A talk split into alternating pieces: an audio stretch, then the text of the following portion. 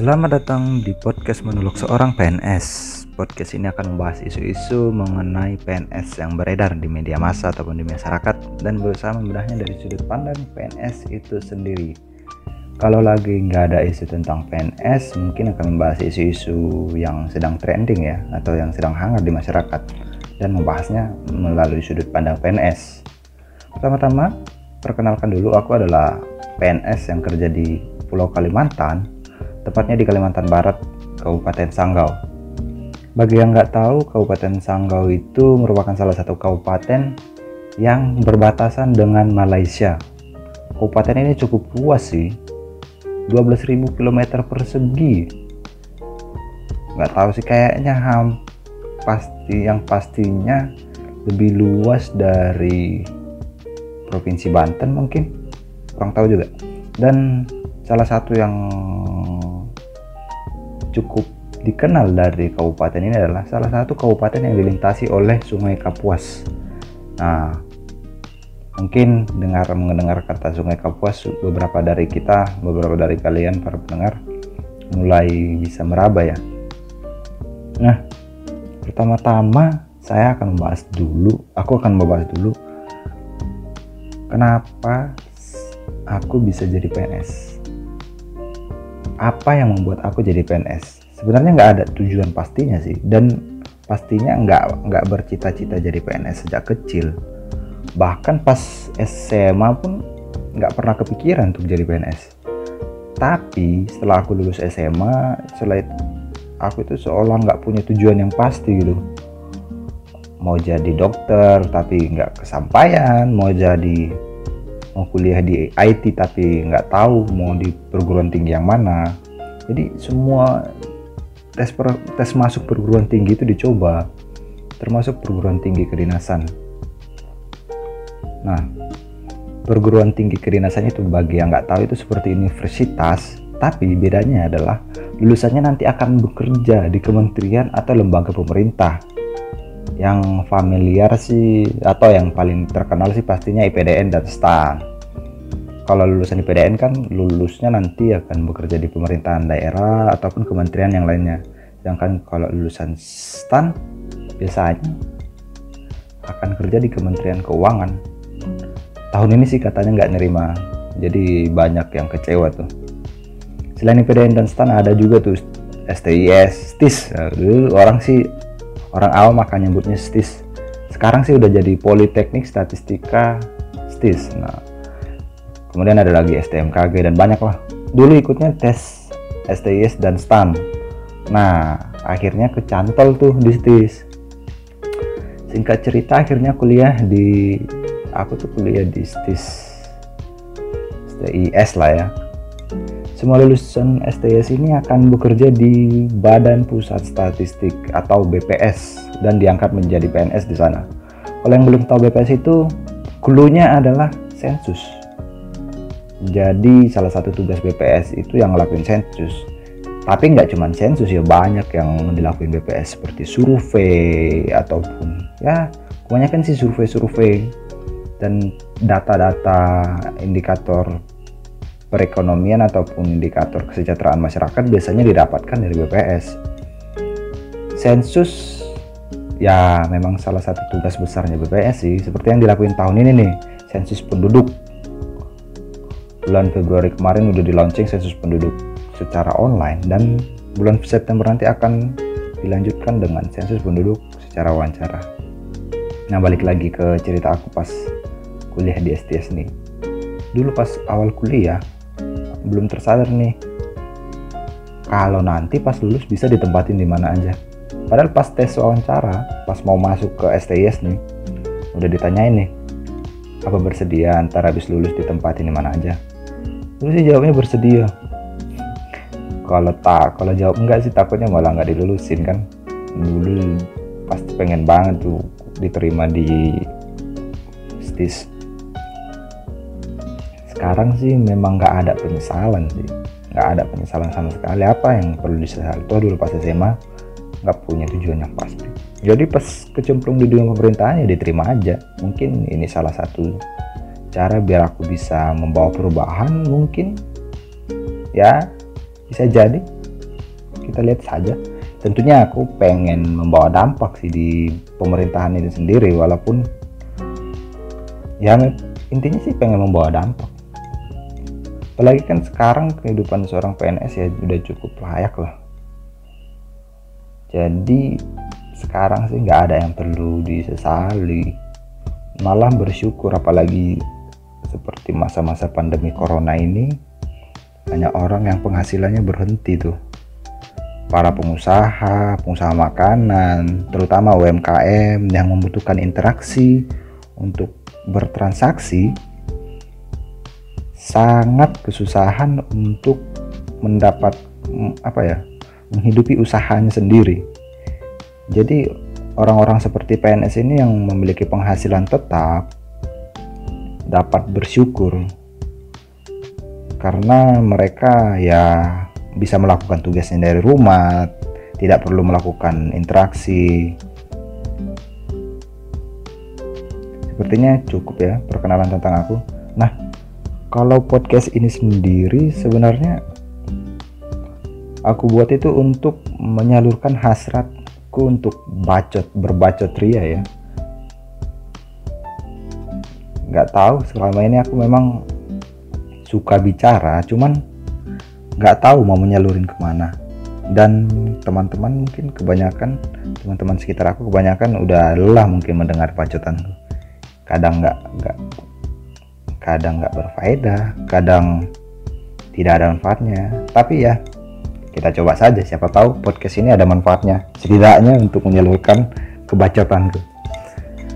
Nah cukup perkenalan tentang aku. Sekarang aku akan membahas sebuah artikel dari Hipwi Nah ini nih Hipwi ini uh, website yang cukup terkenal sih dulunya ya. Judulnya itu 10 alasan kenapa kamu mulai perlu mempertimbangkan untuk jadi PNS. Wudi, kayaknya ini menjadi apa ya? Bagi yang masih ragu-ragu untuk menjadi PNS, ada jadi PNS gak ya? Jadi PNS gak ya? Nah ini perlu membaca artikel ini nih. Sebenarnya artikelnya itu dibuat tahun 2014 tapi nggak apalah, kayaknya masih relevan lah sampai sekarang. Oke, alasan pertama, kesal dan mengkritik saja tidak cukup. Jadi PNS adalah cara paling konkret untuk turun tangan dan mulai mengubah keadaan. Oke, ini alasan pertama yang dituliskan oleh IP. Gimana ya? Apakah dengan turun tangan menjadi PNS bisa melakukan perubahan? Tentu bisa dong. Gak ada yang mustahil, selmau dan bekerja keras. Sepertinya ini cocok untuk orang-orang yang bisanya mengkritik doang. Kalau kritik sih gak masalah sebenarnya ya. Wajar dong dikritik ya pemerintahan. Kalau nggak dikritik malah terlena nantinya. Tapi yang nyinyir doang nih yang bisa jadi ngeselin. Apa ya kayak nyinyir itu kayak nggak berfaedah gitu. Kalau kritik kan masih jelas kritiknya bisa, tapi usahakan kritik yang konstruktif ya kritiknya harus membangun artinya kritiknya tidak didasarkan atas ketidaksukaan terhadap pemerintahan atau ketidaksukaan terhadap personal seseorang tapi lebih kritik kepada performa pemerintah itu sendiri. Jadi ya kalau memang ingin melakukan perubahan ya bisa sih jadi PNS tapi memang nggak nggak satu-satunya jalan masih banyak jalan lain. Nah, alasan kedua, jadi PNS itu bisa membuka banyak pintu kesempatan untuk studi di luar negeri. Nah, setelah aku menjadi PNS sekitar satu setengah tahun, memang banyak para senior PNS, senior yang di luar menjadi PNS itu yang udah studi di luar negeri. Dan enaknya lagi nih, mereka tuh dibayar negara loh. Pun ini benar sih. Jadi kalau kamu ingin studi di luar negeri memang ya PNS bukan jalan satu-satunya tapi dengan jadi PNS kesempatan itu semakin terbuka lebar. Kenapa? Karena banyak beasiswa-beasiswa yang disediakan oleh lembaga untuk PNS nah itu jika kamu memang berkompeten kamu bisa mendaftarkannya. Begitu. Kapan lagi kan kuliah tetap kuliah tapi tetap digaji oleh negara tuh. Kemudian, poin alasan yang ketiga, kamu hanya perlu bekerja, tak perlu khawatir pada kondisi pasar dan kemungkinan perampingan karyawan. Nah, ini tadi yang saya aku bahas di atas kan. Asal nggak bertingkah aneh-aneh, kemungkinan PNS untuk dipecat sangat kecil sih. Yang penting jangan kriminal aja. Kalau udah kriminal sih kelewatan ya. Nah,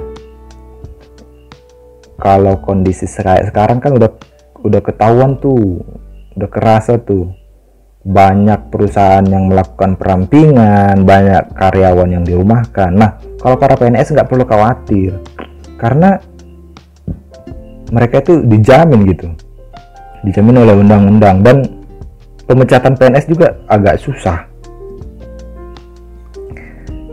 Jadi kalau mau aman dalam situasi apa pun termasuk seperti pandemi corona ini, ya PNS bisa menjadi salah satu pilihan pekerjaan ya Alasan yang keempat itu gaji PNS memang tidak besar.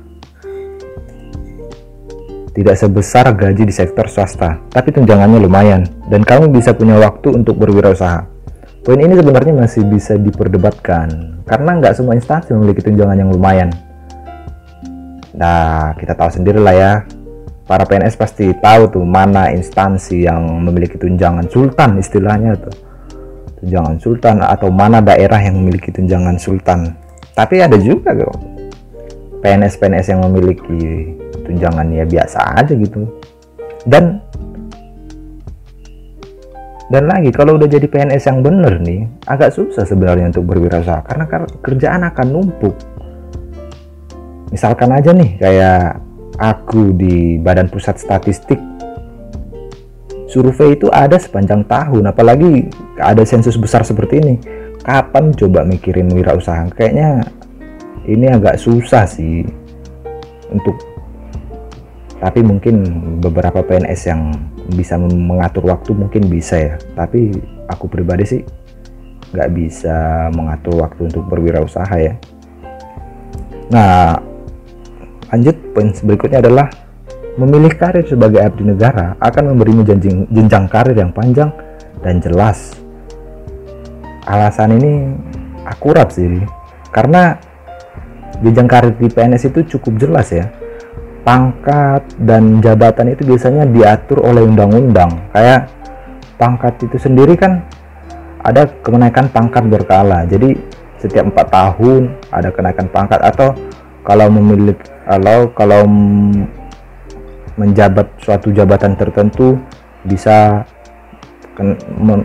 melakukan kenaikan pangkat 2 tahun asalkan memiliki prestasi yang jelas begitu. Jadi setiap orang yang setiap orang di suatu instansi itu memiliki kesempatan untuk mencapai pucuk pimpinan suatu instansi. Tapi ya harus diingat sih tetap harus sesuai kualifikasi yang ditetapkan ya. Jangan sampai serong kiri serong kanan. Nah, alasan yang keenam, Jangan salah, PNS zaman sekarang harus bekerja keras. Tidak ada lagi kesempatan untuk malas-malas dan ongkang-ongkang kaki. Nah, ini nih bener nih. Untuk PNS yang memang kerjanya benar dan semoga semua PNS PNS kerjanya benar, nggak perlu didebatkan lagi nih. Nggak ada lagi kesempatan untuk malas dan ongkang-ongkang kaki. Karena kita itu para PNS ini dituntut untuk apa ya? Uh, berbasis kinerja gitu jadi outputnya itu harus jelas jangan sampai malah cuman main-main. Juma itu kan ada yang stereotip yang ada di masyarakat. Semoga tidak ada lagi PNS yang seperti itu. Dan sejauh pemantauan saya sering sering jalan-jalan ke dinas-dinas nih memang tidak ada lagi. Semuanya sudah taat aturan bisa dibilang seperti itu.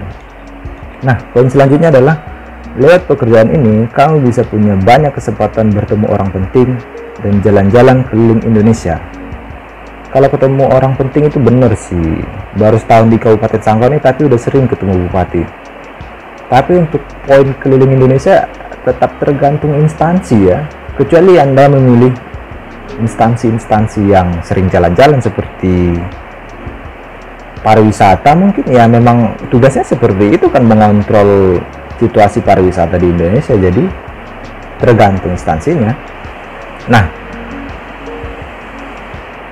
alasan selanjutnya adalah jadi PNS berarti punya jaminan finansial di masa tua lewat uang pensiun. Ini juga menjadi pertimbangan sebelum orang sih sebelum menjadi PNS tapi perlu diingat juga uang pensiunan PNS itu nggak besar hanya 80% gaji dan tanpa tunjangan. Jadi untuk instansi apa PNS yang berada di instansi yang tunjangannya besar setelah pensiun pasti tunjangannya akan kerasa tuh karena nggak ada lagi tunjangannya kan? Untuk berharap hari tua dengan uang pensiunan PNS sangatlah nggak bijak sih. Jadi untuk para PNS sebaiknya menyiapkan untuk masa tua nanti ya. Kemudian poin selanjutnya adalah dengan status PNS kamu bisa lebih mudah mendapatkan hati calon berdua ya ya gimana ya? Indonesia gitu ya.